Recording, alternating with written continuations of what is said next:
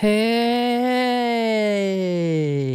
And welcome to this podcast. The art of being. Before we start, remember to subscribe and support us on Patreon. Nej, jag skojar. Gud, jag mådde så dåligt av det där.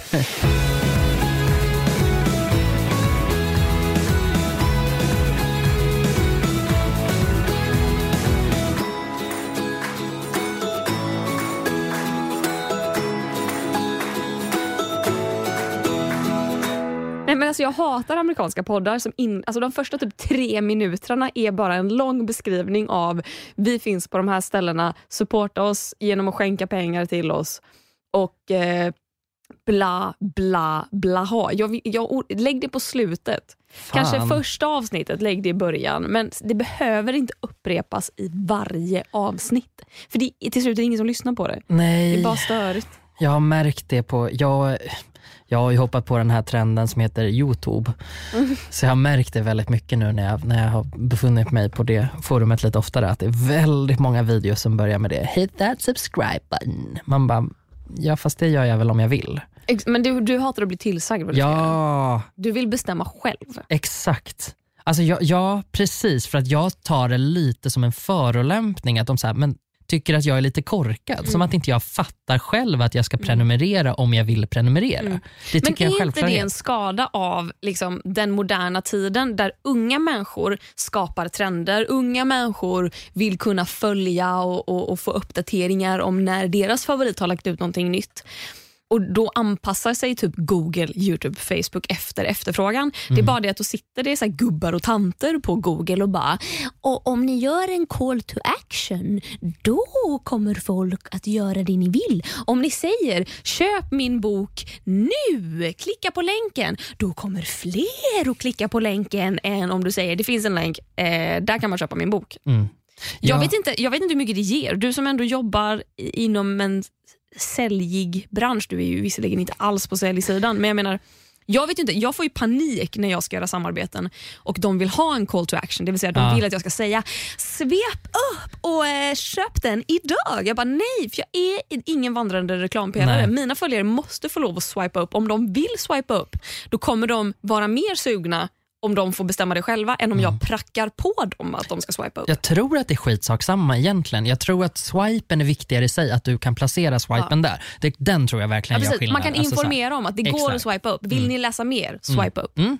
Ibland har vi avsnitt då energinivån är ganska låg. Mm. Jag skulle ändå vilja flagga för att det här kan vara ett sånt avsnitt. va? Ja, men du, du har ganska låg energi idag, Gustav. Ah, Jag har ändå haft en väldigt bra dag. när, när vi möttes upp så Klara bara tittade på mig och bara, men hur mår du? Ja, men du sa inte ett ord. Du klev in genom dörren, du typ tittade på mig, himlade med ögonen, föll in i en kram och sen släppte inte du kramen heller. Jag var lite så här, bara, nu, är jag, nu är jag färdigkramad och sen bara, oh, nej, och så, nej Och vi lite kramar till. lite till. Och sen så tittade jag på dig och bara, det, är det inte bra? Hur mår du? Men, du bara, okej. det är hemskt. Det, alltså, och sen, ja, det, det, det kunde ju ha varit jag som behövde lite mer närhet än vanligt men så var det inte. utan Det var jag som hade mina hörlurar i fortfarande och så blev det liksom som att jag skulle plocka ur dem och så blev det lite konstigt. Liksom. Det var därför också jag inte sa någonting när jag kom emot dig. Nej. eh, när jag kom emot dig hotfullt. Men så på det ämnet, hur mår jag idag? Tack att du frågar. Jag mår bra men jag är på ganska dåligt humör. Så jag mår inte så bra Nej. som jag alldeles nyss sa att jag gör. Eh, men jag mår inte dåligt. Jag är bara förbannad och less. Och, På jobbgrejer. men det är inte så... Alltså, nej, jag tror så här. Det satte sig lite på jobbet för att det var där jag var och det var det jag gjorde. Och ehm, i själva verket så tror jag att det är att jag nyligen, alltså att jag nu då igen har bestämt mig för att sluta dricka kaffe. Och jag är en crackshow. Show. Jag- är en crackshow. Jag är en crackshow för kaffe. Jag vill ha mer, jag vill ha koffein. Fyll mig till bredden Så jävla med mild kaffe. grej att vara beroende av. Ja, jag vet, men för mig blir det ju som heroin. Andra människor Exakt går... samma effekt. Ja, men Exakt. Ja, jag klöser sönder mitt "Hello, ansikte om jag inte Varför får är det. folk beroende av heroin? Har ni testat kaffe eller? Ja, nej men exakt. Nej men så jag tror att det är därför, eller det var det, den liksom slutsatsen jag drog när jag någonstans på eftermiddagen började sitta och klicka, alltså så här, som, som en lite äldre förälder skriver med pekfingret. Så satt jag och klickade för att jag försökte få till Google Street View över en restaurang som jag ätit på en gång. som jag redan visste namnet på men som jag bara ville dubbelkolla i Street View att det verkligen var den restaurangen. Satt jag där och blev så jävla arg och tryckte och tryckte och tryckte och så började jag gråta. Och då insåg jag att herregud, jag har inte druckit något kaffe idag. Det måste vara det. Men det, ja, det kan det väl mycket väl vara. Men då tar det inte heller många dagar innan det är över. Let's fucking hope so, för att jag tror att jag kommer vara utan jobb, förhållande och bostad. Om det här fortsätter. Jag kommer, jag kommer bränna alla broar som finns. Och då menar vi bokstavligt. Gustav kommer bränna ner sitt hus. Jag kommer bränna ner mitt hus, Västerbron, Österbron, Söderbron. Jag vet inte om de andra två finns, men jag kommer bränna dem. Det där var, det där var kul om man, om man bor i Stockholm. Vilket jag gör, men kanske ingen annan. Okej, jag fick inte till någon punchline på det. Berätta, hur mår Du du? försökte. Jo, men jag mår bra, eh, ganska bra. Mm. Eh, det, min dag har varit lite upp och ner. Eh, jag är frustrerad på ett jobb som jag fick och sen hörde de av sig och bara, efter att jag skrivit avtal och skit, de bara ja, vi måste kanske ta det här en vända till. Och jag bara, men det kan ni inte göra, jag har fått det här jobbet. Så här, jag skiter i varför ni måste ta det en vända till. Eh, Mitt, mitt är mitt och ditt är ditt. Det Exakt. lär man sig när man är tre år gammal. Har vi skrivit på ett avtal, då är det mitt jobb, det mitt. inte ditt jobb. Ja, eh, så det var frustrerande. Sen är det ja, bara grejer som har varit eh, så här, grejer att ta tag i och det är så Ah, många om och men. Och man visst. bara, men jag kan inte ge svar på det här nu för att det beror dels på den här personen och de här omständigheterna och de måste jag klära först. Så nej, vi kan inte gå live med det här imorgon. För att jag har uppenbarligen inte fått svar på det här tills dess. Ta det lugnt.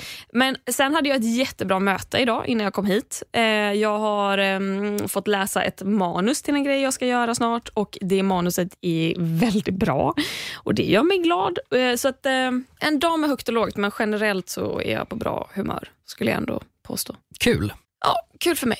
Då, då kör vi.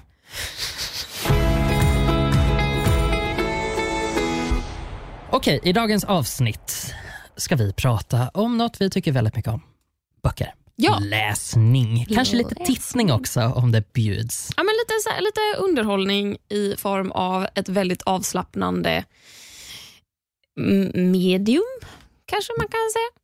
Med Alltså, läs, läsningen tänker Exakt. du? Ja, men Mm. Läsning för mig är ju min ultimata avkoppling. Det finns ju ingenting som lugnar mig så mycket. Inte och Det bara- är också någon form av zen-mode. som så här, Ibland är inte jag mottaglig för det. Ibland sätter jag mig ner med en bok och bara eh, tittar på klockan och, och så läser jag tre rader och sen bara, när ska jag äta? Jag är lite hungrig kanske. Så jag går och tar en riskaka. Man är, man är lite splittrad. Stissig. Bara, och så sätter man sig ner och så bara, Mm. ah, fasen, jag kommer behöva kissa snart. Ja, men lika bra att jag gör det nu. Så gör man det och sen så går man och sätter sig igen. Och sen bara, ah, fast jag vill ha en kopp te. Och så går man upp. Och så får man liksom ingen ro. Men de gånger jag får ro, Mm. Alltså då kan jag bara sitta i timmar och bara läsa och jag mår så bra efteråt. Det är som en typ av meditation nästan. Mm, absolut. Jag tycker att det är den ultimata lyxen också på något Ja. sätt. För det, det lyxigaste som finns är ju att ta sig tid till någonting. I dagens tidsfattiga samhälle så är det fantastiskt nice att göra någonting. Och det, jag tycker att det är ehm, det är en sån dekadens i läsning och den det är ju produktivt för att man mår bra av det och man gillar det man gör så, men på något sätt så är det avslappning är dekadent i dagens samhälle skulle jag vilja säga. Att så här, vi försöker lära oss hur man gör det. Man, vi försöker lära oss mindfulness och yoga och liksom allt så. Då, då känns det så himla enkelt och nice att bara plocka en bok och så sätter man sig ner och så når man det tillståndet på något sätt. Kanske med någon härlig liten chokladbit till. Ja, det kan inte jag äta. Då måste jag äta hela chokladkakan. Mm. Jag fattar inte Ja, jag som bara, aldrig- ja, jag en lägger fram en, Du sa en Ja, liten. en liten. Ja, ju, alltså, Det var singularis. allt är relativt. Vi vet alla att det skulle vara en 200 grams chokladkaka. Ja, men du, och det kan inte jag göra för då fokuserar jag bara på att äta. Då tänker jag hela tiden, när ska jag ta nästa bit? Bara, nu måste jag lugna mig. Nu, ska jag läsa, nu måste jag läsa klart sidan, sen får jag ta nästa bit. Jag äter nog upp den så himla snabbt så att jag hinner nog inte fundera över det. Ja, men det, den ham- hamnar jag ju i då.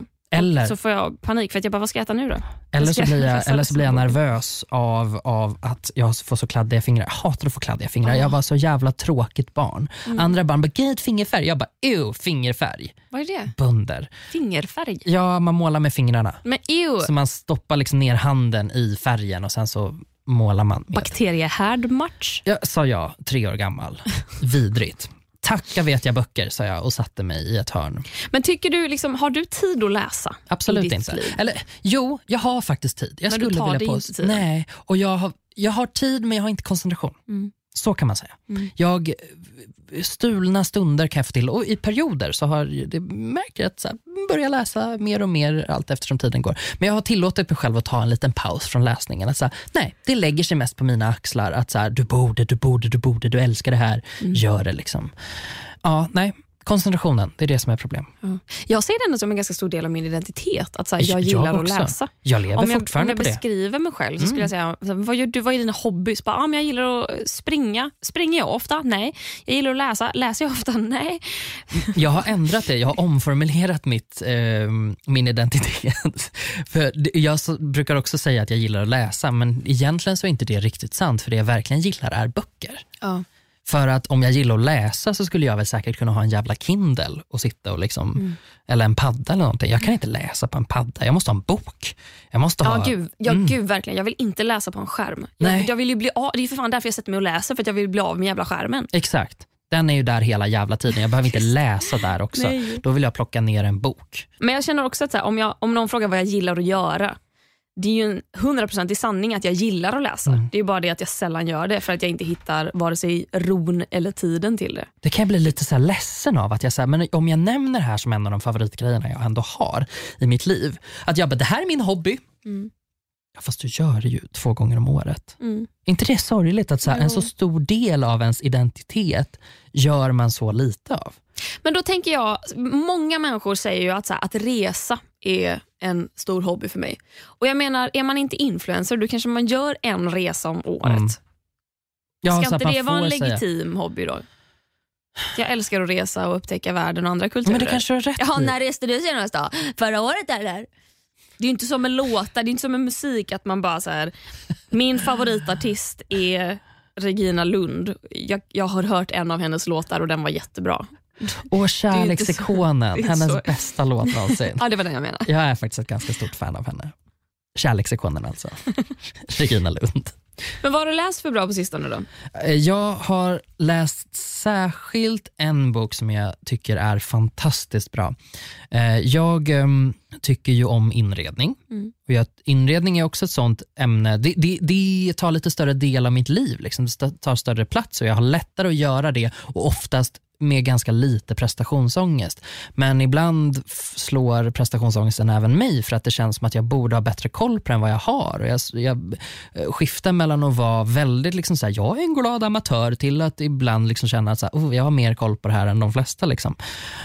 Um, och jag har liksom ett problematiskt förhållande till typ inredningsinfluencers för att det är väldigt mycket det här här är jag hemma hos min kompis och gör ett reportage. Jag, bara, jag är så jävla trött på att läsa om alla arkitekter som är kompisar med varandra och har fantastiska våningar. Jag vill typ se folks hem på riktigt. Är det inte sjukt att folk har våningar? Jo, det är helt Hur sjukt. sjukt är det, att man sjukt. har ett Ja. våningsplan med exakt. fem jävla rum högt i tak? Ja, och där, där, det, det tycker jag känns så himla tråkigt. Um, och bara titta på sånt och bara att all läsning också hamnar så himla mycket om det. Så om jag bläddrar i böcker så är det storslagna miljöer. Eh, cut to Frida Ramstedt som driver uh, Instagramkontot Trendenser. Mm, det känner jag igen. Bloggen Trendenser är väl ännu större. Frida Ramstedt.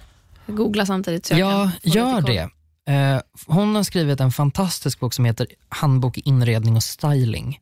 Och Det här är det mest praktiska exemplet på hur man tar in regler från liksom riktig inredningsstyling i sitt eget hem.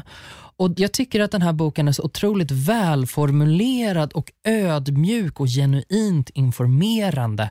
Där det är det handlar så mycket om att förhålla sig till det man har själv på något sätt. Att så här, om du har den här ytan, du har en soffa, ja, men då kommer inte hon boken handlar inte om att hon ska tipsa dig om den snyggaste soffan. Utan det handlar om så här, om din soffa är si och så här stor, då ska din matta vara si och så här stor. Om du har en rund matta, då kan du tänka på att du ska ha ett sånt här bord. Och den här boken har jag alltså... Vad läskigt. Så finns det Nej. regler för sånt? Nej, nej, nej, men, nej, nej, nej, nej men för det, det är det som, som gör det så himla Befriande. befriande. För att det är inte regler, det är lite grann som jag kan tänka på etikett också. Att det är så här, jag blir ibland stressad av etikett men ibland så kommer man till tillfällen då man kanske ska på ett bröllop och då är det så jävla skönt att det finns en dresscode för då vet man vad man ska göra och så Ja, sparar det en lite tid. Och det är ju det sådana regler är till för. Och där är hon också väldigt ödmjuk i att så här, det här är saker som typ är något slags branschstandard och vill du att du får det att se ut på det här sättet och det ska vara praktiskt att bo där, då kan du göra på det här sättet. Det viktigaste är att du trivs och har det bra. Men tänk på det här. Du kan tänka på det här. Den är väldigt snyggt skriven, inte så inspirerande. Alltså, jag tycker att den är inspirerande och uppenbarligen väldigt många andra för att det är väldigt många som har köpt den här boken. Men den är inte så här, titta här på det här betonggolvet och 15 meter i takhöjd och så en enda gardin där och så står det en lampa i hörnet. Det är ingens vardagsrum som ser ut på det sättet. Och den boken, nej men den, ibland får jag frågan liksom så här, kan du tipsa mig om färg och form? Typ. Jag bara, nej, men jag kan tipsa dig om den här boken. Det är det här, mata mannen med fisk. Nej, men vad är det? Så här, mata mannen med fisk eller led, led honom, hen till Jaha, vattnet alltså och lär här, hen ja, fiska. Du kan ge honom en fisk, du Exakt. kan också ge honom ett fiskespö. Exakt. Eller lära honom att konstruera sitt egna fiskespö Exakt, genom att bygga det själv. tack. Exakt, precis. Precis. Du Så, ger verktygen. Liksom. ja. Eh, så det är mitt första tips. Jag tycker att den boken är toppen och här, avslappnat skriven. Coolt, jag fattar. Eh, jag, tror, jag får mycket bara, eh, prestationsångest av inredning. Samma Mm. med mode. Jag kan så här modebloggar. Oh, det är så jobbigt. Här, här ser man en bild på någon som har skitsnygg outfit Mm. på sig och så omedelbart känner jag fan jag har ingen ankellång beige kappa och jag har inte heller ett par eh, pumps i krokodilskinn. Oh, då är allt jag gör fel. Men precis, och det, det, det är där jag tycker att den boken gör, den tar ett helt nytt grepp. Jag har aldrig läst en bok som är likadan och det verkar vara feedbacken som hon får också. Att folk verkligen säger, ah, du tar med dig tipsen som du får från liksom den professionella världen. Men det hon gör ibland, jag vet att ett, ett inlägg som jag har sett att hon har postat flera gånger är hur mycket man retuscherar inredningsbilder. Det tänker man ju inte på när man sitter och Nej, scrollar inte eller på alls. Hemnet. Och Vad är det man retuscherar då? De Tänk har ju inga finnar. Liksom. Nej men precis, eh, men de har, rummet har ju sina egna finnar. Så att eh, du kommer ju, Eluttag. Eluttag kommer du ju troligtvis inte se ett enda av. Du Nej. kommer ju inte se några lampknappar eller sladdar till och med som försvinner i intet. Du kommer liksom inte ha alla de grejerna som ett vanligt hem består av. Nej. så.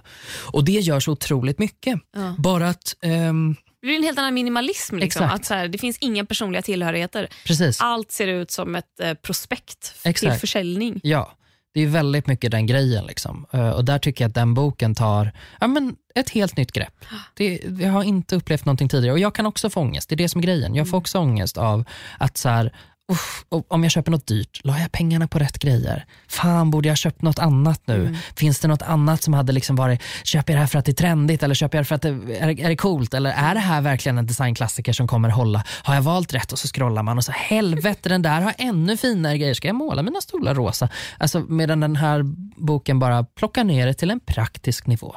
Du kan använda de här proportionerna. Om ditt rum är avlångt så kan du lägga golvplattorna åt det här hållet. Så att det bara plockar ner det till en, en nivå där jag tror att fler kan tycka att det är roligt att inreda för då ser man att det inte är så jävla svårt. Så. Jag har läst eh, en väldigt bra bok eh, på sistone som jag har sett många gå omkring med på stan. Typ igår såg jag en tjej gå, liksom, så här, gå upp ur tunnelbanan och vandra iväg. Var väldigt nära att krocka med flera personer för hon hade näsan så djupt i den här Oh, boken. Medan hon gick. Alltså det är bara, Lilla stad, den är lugn och vilsam.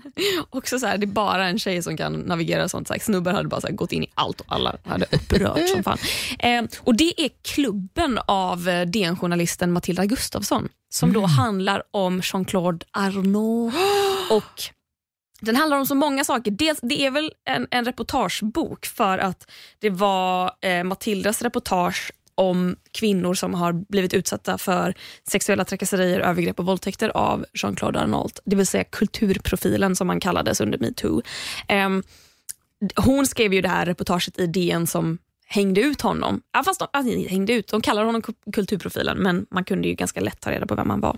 Mm. Eh, men det handlar ju både om det, det var väl mer att hon hade så mycket stoff att det till slut blev en bok. Just. För att hon har ju hela hans liksom bakgrund, uppväxt. Vad är det som kanske gjorde honom till den återkommande övergreppsman som han faktiskt är. Eh, hans liksom kulturliv, vilka umgicks han med? Hur kunde det här fortsätta? Varför tillät männen och kvinnorna i hans omgivning honom att fortsätta göra detta? Hon har skrivit om Katarina Frostenson som är Jean-Claudes fru, om att, hon, så här, att det tydligt framgår att hon visste om att han tafsade på andra kvinnor, låg med andra kvinnor eh, och att hon ständigt skyddade honom i det här och om hans olika våningar. I olika, liksom, han hade någon våning i Paris som Svenska Akademin betalade och hur han liksom fick makt i Svenska Akademin utan att han ens satt i den. Det var Katarina Frostenson mm. som eh, hade en stol där. Eller ha, är hon kvar? Oh, jag vet faktiskt inte. Jag, inte jag har väldigt dålig koll. Mycket om Svenska Akademin. Också så här, Sara Danius, hur Sara Danius blev den stora syndabocken för det hela. Hur Horace Engdahl vände sig emot henne och verkligen hängde ut henne. Varför hon fick avgå. Det är en så intressant bok och den är liksom, man är liksom fast lite från första sidan. Mm. Den är otroligt spännande. Den är fruktansvärt obehaglig också för att hon har ju vittnesmål från dessa, jag tror hon samlade så 18 kvinnor eller någonting som vittnade emot honom i det här reportaget hon skrev. Och hon har ju liksom deras så ordagranna vittnesmål om vad de har varit med om och det är stundtals lite obehagligt. Eller ganska obehagligt snarare för att han är ju en våldtäktsman. Och den är väldigt bra. Mm. För jag hade ju ingen aning. Jag, jag vet ju vem Jean-Claude Arnault är i och med att jag har läst om det i nyheterna. Jag har ingen aning om hans bakgrund. Försöker man ge sig in i det och bara klicka sig vidare från artikel till artikel i typ DN eller Expressen så man får ju ingen övergripande bild utan man känner sig mest bara förvirrad och man känner att man bara trampar vatten i ett stort hav av information och man vet inte vilken ände man ska börja simma i. Liksom. Det är ju här journalism och, och författarskap har, det finns liksom ett vakuum. Jag, jag, tycker att vi saknar det. Att få historier på något sätt kurerade och mm. berättade för en. För att när man försöker pussla ihop alla de här sidorna som går hit och dit och all information på internet, det blir ett intet av det. Mm. det. det. går liksom inte att skapa sig någon förståelse överhuvudtaget. Nej. Det är därför det finns folk som är utbildade och som så här, har gått igenom materialet ordentligt och sen kan lägga fram det liksom på ett sätt som ändå förhoppningsvis är ganska, alltså förhållandevis objektivt. Mm. Så jag tänker att det här är en sån bok som jag också gärna vill läsa för att mm. det där är en sån händelse som hade så, det hade stort genomslag i Sverige. Mm. Det, var, det var en stor händelse med personer som på något sätt berörde väldigt många och det vet inte jag om det gäller vår liksom, åldersgrupp specifikt så, mm. eller om det också gäller yngre människor. I don't know, men det känns som att det var en historisk händelse. Absolut, det är en historisk händelse. Och Sen är det också ett stycke allmänbildning. Visst. Man får jättebred kunskap om Svenska Akademin. Jag hade extremt dålig kunskap ja, men det om vad de ens aning pysslar med. Nej. Hur de sammanträder, vad de har för ritualer. Ja, ja. Nej, men verkligen. Um, så att, och Jag tror att jag, när jag väljer böcker så väljer jag nog hellre um, vad kallar man det, alltså facklitteratur snarare än skönlitteratur. Mm. Jag, jag kan lätt tråkas ut av en roman Visst. och en fiktiv berättelse medan är det en sig självbiografi eller en ja, valfri typ av fackbok. Ja, det är någonting väldigt underhållande med det. Och det är min Ravenclaw-ådra som bara vill ja, känna sig smart. Att du tycker att allmänbildning är underhållande är väl ja. ganska Ravenclaw av dig. Men en av mina bästa böcker jag någonsin läst, är, och den har jag ju namedroppat i den här podden förut, men det är ju Moonwalk med Einstein mm. av Joshua Foer. Ja. Jag tror vi har pratat om den. Har Nej, det? Äh, kan, vill... Kanske för länge sedan i så fall. Det kan vara väldigt länge sedan. Det mm. handlar om, alltså det är ju en, eh, en reportagebok men också en eh, ja, det är ju inte en självbiografi, men det, det har en, den har ju biografiska inslag. Mm. För att Joshua Foer då var journalist på en tidning, eh, är säkert fortfarande, eh, och blev skickad att eh, liksom, eh, rapportera från världsmästerskapet i minnesteknik i USA. Just ja. Mm. Så han åker dit, eh, bara täcker det här för tidningens räkning och intervjuar vinnaren som då talar om för honom att för han, jag tror att han frågar honom så här, men hur, ehm, hur har det varit att liksom leva med ditt extrema minne? Så här, kan det vara jobbigt i perioder? Och han bara, nej, alltså, det här är någonting jag har tränat upp. Visst. Det här skulle du också kunna träna upp. Och Han bara nej. Ja, fast det hade ju tagit en livsstil. Och han bara nej, så här, vet du vad, här, här kommer ett vad.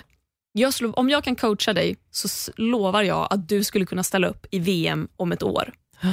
eh, I nästa världsmästerskap. Liksom. Och Då börjar han göra det. Och den här Joshua då, han börjar ju dels lära sig att minnas saker. Eh, liksom, och Då kan det vara så här, rabbla en, tre kortlekar på rad, hur korten ligger i ordning. Han lär sig hur man gör det. Men han träffar också människor längs vägen han träff, träffar en man som lider av minnesförlust. Att han, han kommer ihåg kanske tio sekunder åt gången och sen har han helt glömt bort. Han har inget närminne överhuvudtaget. Han minns sin fru, han minns var han bor, men han, kan inte, han kommer inte ihåg resten. Det bara försvinner. Det ligger, eller vet du vad, han har ett närminne men sen försvinner Sen det. försvinner det, just ja. Så att så fort han börjar tänka på annat, det är som en guldfisk. Liksom. Eh, och eh, Det mötet är skrämmande och fascinerande på samma gång. Han, eh, han pratar om eh, synestesi. Han träffar någon som lider av synestesi, det vill säga att man eh, kopplar ihop typ färger med ljud. Till exempel. Du hör en låt och du Då ser, ser den du. i färger liksom, och former. Som en sån gammal eh, Windows Media Player när man liksom satte på en låt och den bara så här, det börjar pumpa i så lite lila, sen blir det lite blått och sen så, så här, beroende på vad det är för låt. Vissa människor har hjärnor som funkar så. Mm. Och hur det då, så här, vissa fejkar det. Och att han liksom försöker så här, reda ut så här, vilka de som fejkar det, varför gjorde de det, varför hävdar man att man ser, eller så här, hur, alltså, hur mycket hjärnan funkar. Visst. Den, och den liksom, jag vet att jag har pratat om det förut i den här podden, men han har ju också skrivit om hur man könsdefinierar kycklingar. Och den här Det tycker jag att jag känner igen. ja, svåra, svåra utbildningen som finns i typ Hongkong. Just det. eh, där det är få som kommer in och många som hoppar av för att den är så avancerad. Och, ja, men det handlar verkligen om att du ska klämma på en liten kycklingbebis så att anus sticker ut lite och där finns det ett litet väck och på det här väcket kan man avgöra om det är en hana eller hona. Och Det är väldigt viktigt då för att man vill ju ha värphöns. Ja, naturligtvis. men man vill inte ha så många tuppar. Nej. Så då måste man göra sig av med dem för man kan inte slösa foder på dem.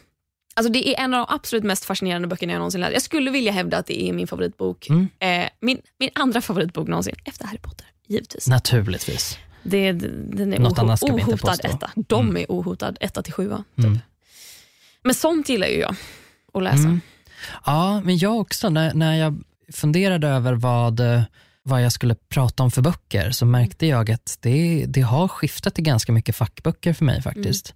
Ehm, till skillnad från förr. Jag tycker, jag tycker fortfarande om skönlitterärt ofta, men jag är så jävla grinig när jag ska välja. Alltså så här, jag, ty- jag bara, fult omslag. Den, alltså jag, Ja, I- det jag dömer en bok spelar efter dess omslag. Det måste vara ett fint omslag, annars Ja. så tar jag inte i den. Eller så ska det vara skitfult, men det får inte uppröra mig. Det kanske är det. Så här, det, det, kan, det är klart att inte alla mina böcker är fina. Väldigt många är det dock. Eh, ännu finare var de när jag ställde dem med ryggen in mot väggen. Så att eh, bara off-white eh, insidan stod ut. Men visst hade du läst Call me by your name som även Ja. är filmatiserad nu med Timothy Chalamet i huvudrollen. Exakt. Call me by your name läste jag tillsammans med min eh, bokklubb som jag hade förra året, eh, HBTQtis. Vi bara läste hbtq-relaterad eh, litteratur. Både Kunde du inte sagt lektyr? lekt- där vi bara läste hbtq-relaterad lektyr. eh, jo, men jag har läst den. Har du sett filmen? Nej, jag har försökt och den var jättetråkig Åh, och jag var så otroligt anti. Jag tyckte att den var skit. Jag Du är den första som jag hör säga detta och jag har inte vågat Nej, jag vet. de för alla orden. älskar alla älskar den där jävla skitfilmen. Jag, nej men alltså, åh gud vad roligt, nu kör vi. För jag, så här, jag bara, nej nu kommer hon säga att hon har läst den och gillar den. Okej, jävla skitbok, för fan i helvete. Den är skittråkig och den innehåller några av de absolut mest störande, stötande, fruktansvärda scener jag någonsin har läst. Jag kan tänka mig att boken är mer grafisk än vad filmen För du har är. inte läst boken? Nej, jag har inte läst boken. Nej, nej absolut nej. Jag visste inte ens att det var en bok om jag ska vara ärlig. Nej, de, eh, de, har ju, de har ju passande nog valt eh, bort särskilt en scen som utspelar sig på en toalett och innehåller en massage av magen. En massage av magen? När Eller man sitter du, på toa. Det tycker jag är medan ganska... de skiter? Med, ja, Okej, ja, det var ganska... Det är li, Så gör ju det lite... de har det där var en viktig detalj, Gustav. Jag tyckte att jag uttryckte det. Jag såg framför mig att de var inne i ett toabås och hade sex med varandra för att de, vill, de var någonstans. Inte att de satt på toaletten och uträttade sina behov. Nej, de sitter alltså och skiter eh, typ på ett hotell. En av dem och den andra masserar magen och så var det så här, det här är mest, äh, det här, ja men spoiler, deal with it. Det här är det mest intima jag någonsin har varit med om. Och jag bara, mm, Men när jag såg filmen, alltså det är en väldigt vacker film rent visuellt. Jättefin, bildmässigt. Wow, Mm. superfint. Fina färger, man vill bara att det ska vara sommar. Man vill inte ha en mobiltelefon och så vill man springa omkring i en trädgård vid ett mansion i Italien. exakt. Det är det den får mig att vilja. Men den får mig också tvivla på alla bögar någonsin om det är så gay-kärlek mellan två män går till.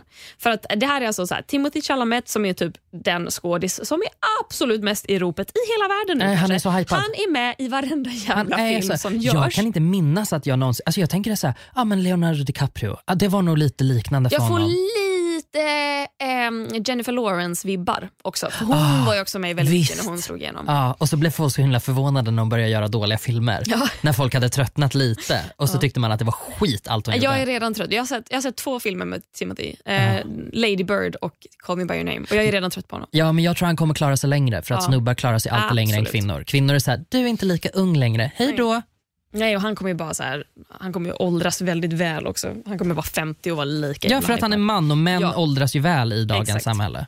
Men han då bor i ett jävla mansion. Han är också så här, han pratar franska, han pratar italienska och han pratar perfekt engelska och det förklaras inte riktigt mer än att så här, familjen är flerspråkig.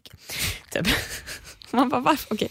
Eh, och då får hans pappa då som är lärare, det kommer typ en är det en student? Jag vet, jag vet inte ens. Alltså, det är Det är det. typ forskare, de kommer Ja. dit och så ska de antingen så här skriva sin doktorsavhandling Ja. och det måste man göra på Italiens landsbygd. Ja.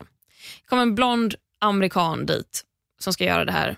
Och så här, från ingenstans är de kära i varandra. Och det var så här, det, det, alltså han typ ger honom en klapp på axeln en gång. Och jag bara, är det, ska, är det, här, är det här en hint? Är det någonting jag inte förstår? Var det, var det där romantiskt? Är det, är det där bögar? Men kan ni prata med varann? Kan ni liksom föra konversation? Mm. För det framgår inte. Så finns det en jättekonstig scen där Timothy Chalamet typ lägger sig på hans säng. Alltså på den här mannens säng. Mm. Som för övrigt, jag vet inte hur mycket äldre han är, men han är Väldigt mycket. äldre. Eller, Och typ tio år andas i. Mm. in i hans badbyxor. Han tar hans badbyxor, typ sätter dem på huvudet och bara andas i dem. Mm. Vilket så här, Jag uppskattar Timothys skådespeleri för att han rör sig på ett sätt som om han vore helt ensam i ett rum. Det tyckte jag var coolt med den filmen. Att så här, Han har verkligen ett så otro- Han gör saker som man gör utan att tänka efter när man Visst. är ensam. han Man är rör- otroligt duktig skådespelare. Väldigt duktig. Han är liksom Kate Winslet på, på något sätt. Ja. Att så här, för hon brukar säga att äh, nej det är inte någonting du gör, det är någonting du är. Ja, Eller det är ja. någonting sånt där. Att så här, Och Det är långa utdragna scener. Han får Mm. lov att ta sin tid medan han sniffar i sitt kärleksobjekts badbyxor. Och Jag fattar inte den här kärleken för att de blir så intresserade av varandra men de visar inte. De bara så cyklar omkring och bara får inte lov att prata om att de är kära i varandra för att det här utspelar sig på typ 80-talet och gayeri är förbjudet. Liksom. Eh, Men, men jag, jag, köp, jag köper inte kärleken mellan dem. nej. För att ett, mannen är skitful, alltså, han är inte snygg. Timothy är snygg, men han är också ett jävla litet barn. Alltså, Han han, är är, en sån 17 twink. i boken. Så att det finns inte. Mm. Han har en kropp av en nioåring. Det är liksom det. Mm. Och så bara hänger de i solen utan att prata med varandra. Någon ligger och läser, någon badar i poolen. Visst. Och Sen så går den ena iväg och då hakar den andra på. Och Sen så bara, "Ah, är de kära. Alltså, Mm. eh, jag, och jag, jag stör mig på när filmen blir så hypade och jag inte fattar hypen. Men jag Då vill jag bara det proklamera är min absolut motsats till åsikt. min motvilja gentemot det här. Ja. Ja men så känner jag också. Jag gillar inte när saker blir för hypade. Eh, Så att det kan väl bli så att vi kommer titta på den här filmen om tio år och bara wow, har ni sett den här? Som jag gjorde med Skam, Sagan om ringen, etc. etc, etc. Mm, det kommer säkert vara jag när jag väl tittar på Skam. Ja, det, alltså högst, högst troligt. Du, eh, innan vi tar våra moments of the week, om du får ge ett eh, hett boktips och, med en kort motivering. Ja. Eh, Okej, du, nu kommer jag kuppa. Jag vill ge två. Okej, go for it. Det är okej. Det är en som heter Mannen som slutade ljuga. Det är Dan Josefsson som har skrivit eh, och det handlar om Thomas Quick. Sture Bergvall. Gud vad spännande! Mannen Den vill som, jag läsa. Jag tror att, vänta jag måste tänka, vad är, vad är titeln? Mannen som slutade ljuga och kvinnan som eh, skapade Thomas Quick, heter boken i, i sin helhet. Och Det handlar alltså om psykoterapeuten Margit som i princip regisserade hela Thomas Quick. Hon, hon, det blev som en sekt runt omkring det här och det är väldigt spännande att se hur förälskade polisen och, och rättsväsendet var i, i henne mm. och det hon sa trots att hon kanske inte var den mest pålitliga eh, egentligen. Eh, den tycker jag är toppen, jättespännande. Sen skulle jag också vilja rekommendera Ro utan åror. Kommer du ihåg den? Den var ganska hypad när den kom. Ro utan åror, jag ska googla här nu. Ulla-Karin Lindqvist, eh, tv-journalist som fick ALS. Den här har inte jag sett eh, alls faktiskt. Nej, den, eh, det, ALS är en neurologisk sjukdom som, som den är obotbar leder till döden. Det är ju eh, ALS by the way som Ice Bucket Challenge Exakt. handlar om. Precis. Um, det som spred så mycket uh, knowledge om ALS. Uh, det, gjorde, alltså det gjorde inte det. Det var ju bara folk tyckte att det var kul att filma sig när de fick vatten över sig.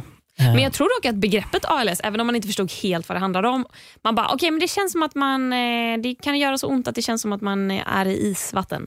Sant. Typ, ja. att man, bara, man känner igen bokstavskombinationen ALS. Det är sant. Det är jag som är grinig idag. Nåväl. Eh, den, den är jättefin. Jag läste den när den kom ut och då var jag ganska liten. Um, och Sen dess har den alltid gjort intryck på mig och jag läser om den ibland. Mm. Jag tycker att den är väldigt fin och otroligt sorglig. Det är ju liksom en mamma som, som håller på att dö. Mm. Uh, Usch, ja, så det, det var ett hett tips. Två heta tips.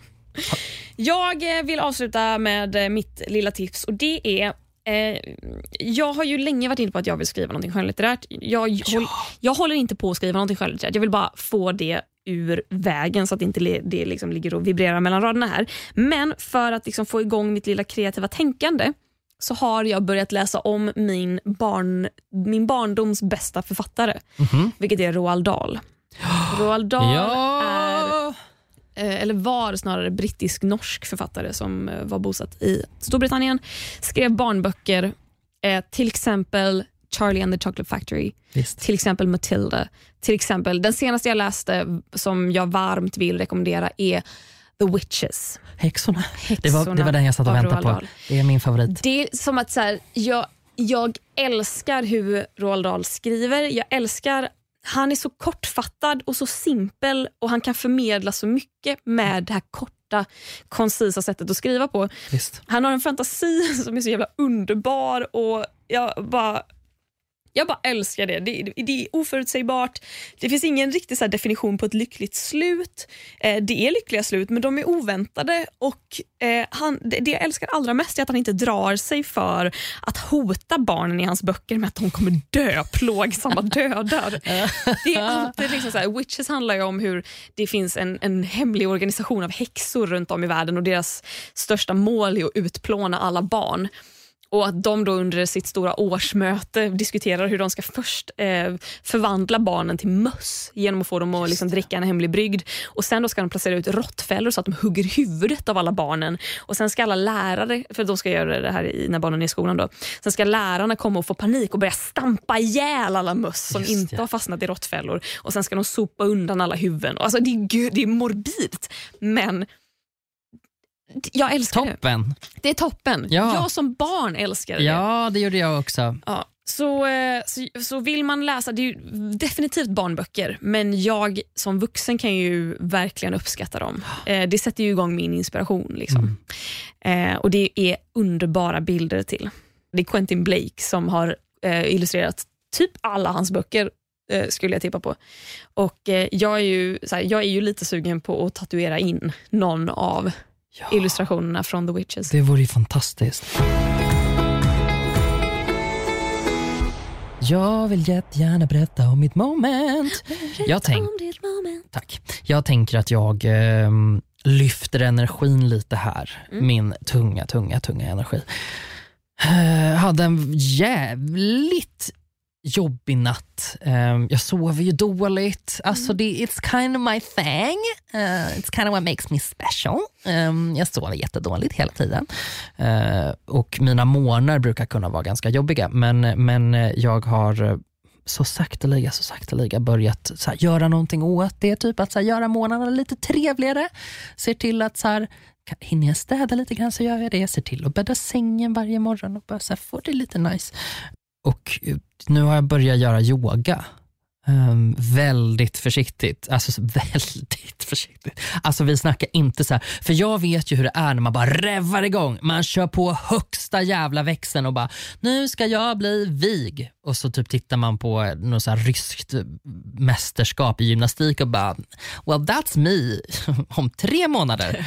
och så blir det ju inte. Uh, men jag uh, har börjat så här, köra lite nybörjarpass på juttan och så. Uh, och det är toppen. Så jag, eh, särskilt en morgon bara vaknade efter en sån här jobbig natt, eh, gick upp, eh, sträckte lite på mig och... Och sen var du klar med ditt yogapass för dagen? Sen var jag klar. sen gick jag ur sängen. ja, lite så var det faktiskt. Det var väldigt kort yogapass, men det var, det var väldigt nice. Du vet, så här, solen kommer in. Eh, du gör solhälsningen. Jag gör solhälsningen. Hej solen, vinkar åt den och så ner igen. Um, vi kan, ju, vi kan ju konstatera att jag är kanske den stelaste personen som finns. Mm. Man tror inte att det går att vara så stel som jag är, eh, men det kan man. Mm. Eh, och därför långsamt, långsamt, långsamt och försiktigt så har jag bestämt mig för att det, så ska det inte vara. Jag vill inte att, jag vill inte att så här, om jag typ, för nu är det faktiskt så att folk påpekar hur stel jag är. Att, Va? Ja, ja, ja, om jag typ sätter mig ner eller om jag ligger så ner. Eller så stönar du när du sätter dig ner? Uh, och de bara, stel där. Jag bara, jag bara, jag fick en orgasm. vad menar du stel? Uh, nej men så att det, liksom, det händer att jag, får, att jag får lite pikar om att jag är så stel eller att jag har lite mm. dålig hållning. eller Så Och det vill, så vill Yoga inte jag ha är väl jättebra då? Ja, skitnice. Du får börja gå på pass på gymmet så kan du få hjälp i vilka övningar du ska göra och hur mm. du gör dem rätt. Så kan vi göra till slut. Du lät jätteentusiastisk. Mm, det låter som den totala skräcken, men mm. eh, en dag kanske. Din tur. Ja, mitt moment, eh, jag tror mitt moment faktiskt var eh, häromdagen när jag upptäckte, nu, nu kommer det här låta som reklam och det är det inte, utan det är verkligen bara jag som genuint vill tipsa om någonting. Jag sitter här med en liten eh, vattenflaska, fast den, den, ser mer ut som en termos än som en vattenflaska. Eh, men man kan använda den till både vatten, jag har vatten i den just nu och den, den håller det ju kallt för att den har en termosfunktion. Skitsamma. Eh, det här företaget heter Å-bottle, alltså Å som i franska vatten, E-A-U. Men också, typ, jag läste på deras hemsida att det är så här, Å på svenska är ett vattendrag. Sant. Eh, det, och det stämmer ju och det gillar jag när saker stämmer. Så Den här flaskan har också koordinater längst ner. Och Det tycker jag är häftigt för att de här koordinaterna, om man går in på typ Google Maps och slår in de här, då kommer man till en plats i Ghana där det finns en brunn. Och Då är det så här, företaget Åbottle, de borrar brunnar. De tar inte ut någon vinst ur det här företaget utan de då har gått in med mycket så här privata, privat ekonomi, åkt ner till Ghana, för, till ett område där de måste, eh, barn ofta går väldigt långt för att hämta vatten. De köar flera timmar. Mm. De missar skolan på grund av det här. Och, eh, och Det är verkligen bara för att få tag på vatten som är grundläggande livsnödvändighet. Så i då vissa delar av Ghana har de börjat borra brunnar. Eh, det här kostar då en viss summa, men då lägger de ut den här summan själva. Sen säljer de de här vattenflaskorna för att liksom täcka upp. Mm. Så att De hade kunnat så här, sälja flaskorna först och sen åka ner och borra. Men nej, de vill bara make sure att pengarna faktiskt mm. når fram. Så de lägger ut pengar och sen så backar de upp det i efterhand. Och Därför kan man då på de här flaskorna man köper liksom följa koordinaterna och se exakt vilken brunn det är man själv har sponsrat. Just. Och Jag tycker att det är så jävla fiffigt. Så jag bara, det var nog mitt moment när jag upptäckte det här och bara kände, ja, de, Åbottle, vilken, vilken jävla grej. Jag blev bara glad av det, att det finns lite hopp för mänskligheten. Fan vad skönt. Ja, Toppen grej att avsluta avsnittet på. Ja. On a high note. Högre kan du. Jättebra. Okej, okay. ska vi säga så? Så säger vi. Tack så jättemycket för den här veckan Klara. Tack själv Gustav. Tack till dig som har lyssnat. Du är toppen. Du är en stjärna. Det är du. Så vi hörs igen om en vecka då. Det gör vi. Adjö. Puss.